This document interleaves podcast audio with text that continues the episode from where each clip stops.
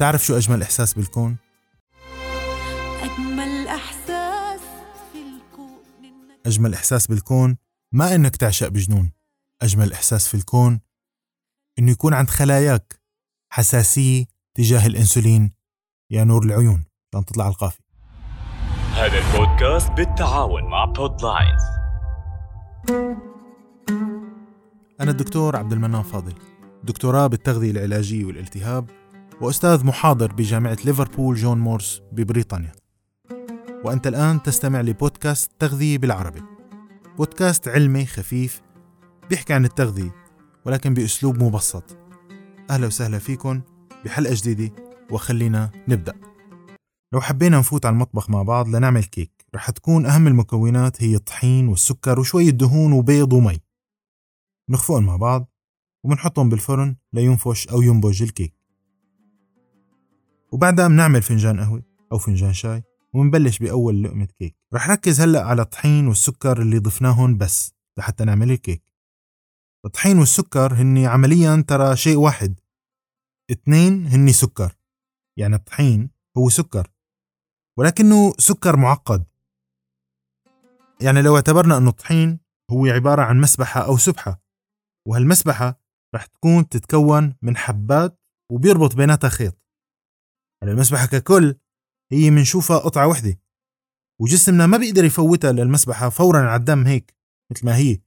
لازم نفككها ونفرطها لهالمسبحة بقى.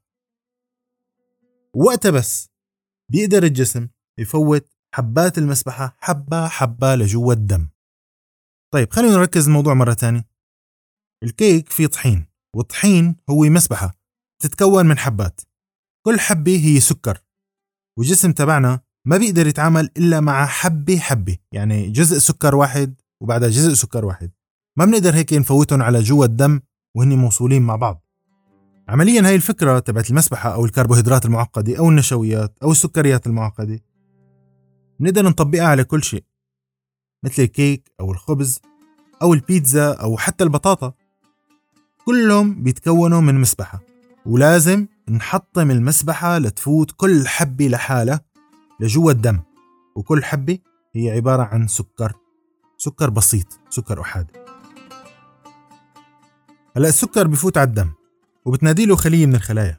إنه بدها شوية طاقة. وقف أعطينا شوية سكر يعني. وفعلا بيوقف السكر على باب الخلية وبينطر. شو بينطر؟ بينطر وصول مفتاح بيتم تصنيعه خصيصا من البنكرياس لحتى يجي ويفتح باب الخلية لحتى يفوت السكر. اسم هالمفتاح مثل ما بتعرفوا كلكم هو الإنسولين. وقتها بقى بفوت السكر لجوا الخلية وبيتحطم وبيعطينا طاقة عبر عملية معقدة اسمها glycolysis تحلل السكري بيسموه. بتصور لحد الآن كله مكرر وما في شيء جديد ونحن عودناكم على كل جديد وهلأ بدنا نعطيكم جديد.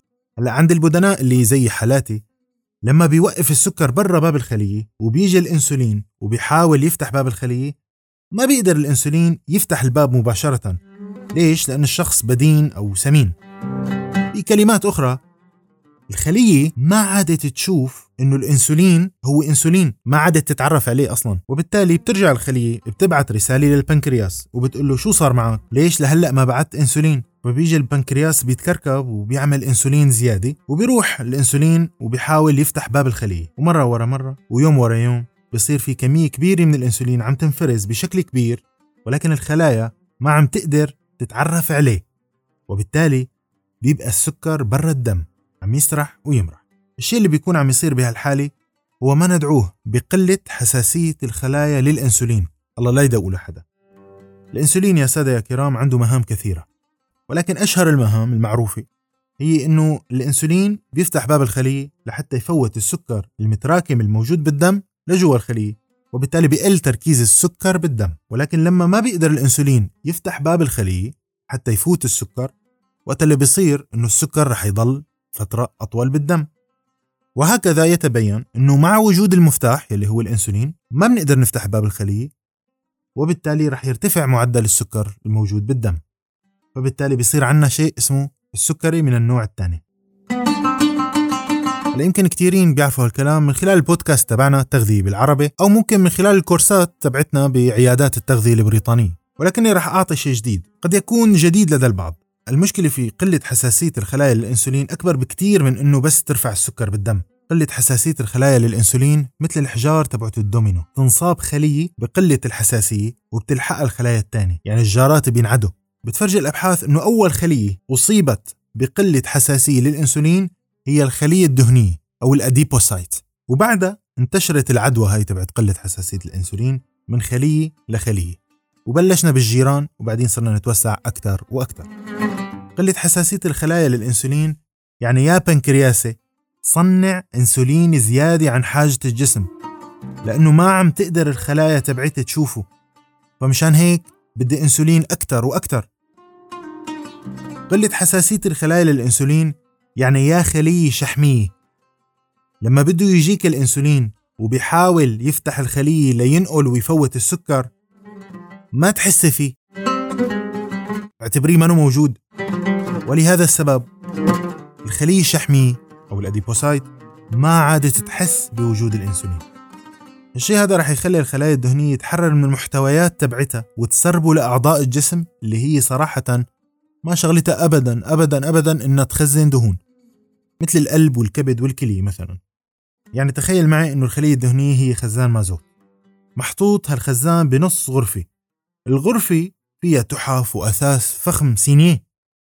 وبسبب إنه هالخزانات ما فيها حساسية للأنسولين فبتبلش هالخزانات تسرب المازوت أو الدهون اللي مخزنتها جواتها وبتصير الطالعة وين تقع أو وين يجي الدهون أو المازوت يجي على الأثاث تبع الغرفة أثاث الفخم اللي هو قلب وكبد وكليتين. وهون بتبلش المشاكل الأكبر. يلي عم نكتشف يوم ورا يوم إنه قلة حساسية الخلايا للإنسولين. أكبر بكتير من إنه نحطها بخانة مرض السكري من النوع الثاني فقط. خليكم معنا بحلقات جديدة نحكي فيها أكثر عن مقاومة الخلايا للإنسولين. إذا عجبتك الحلقة ما تنسى تعمل لها مشاركة مع أهلك ورفقاتك وأحبابك. وعملنا فولو كمان.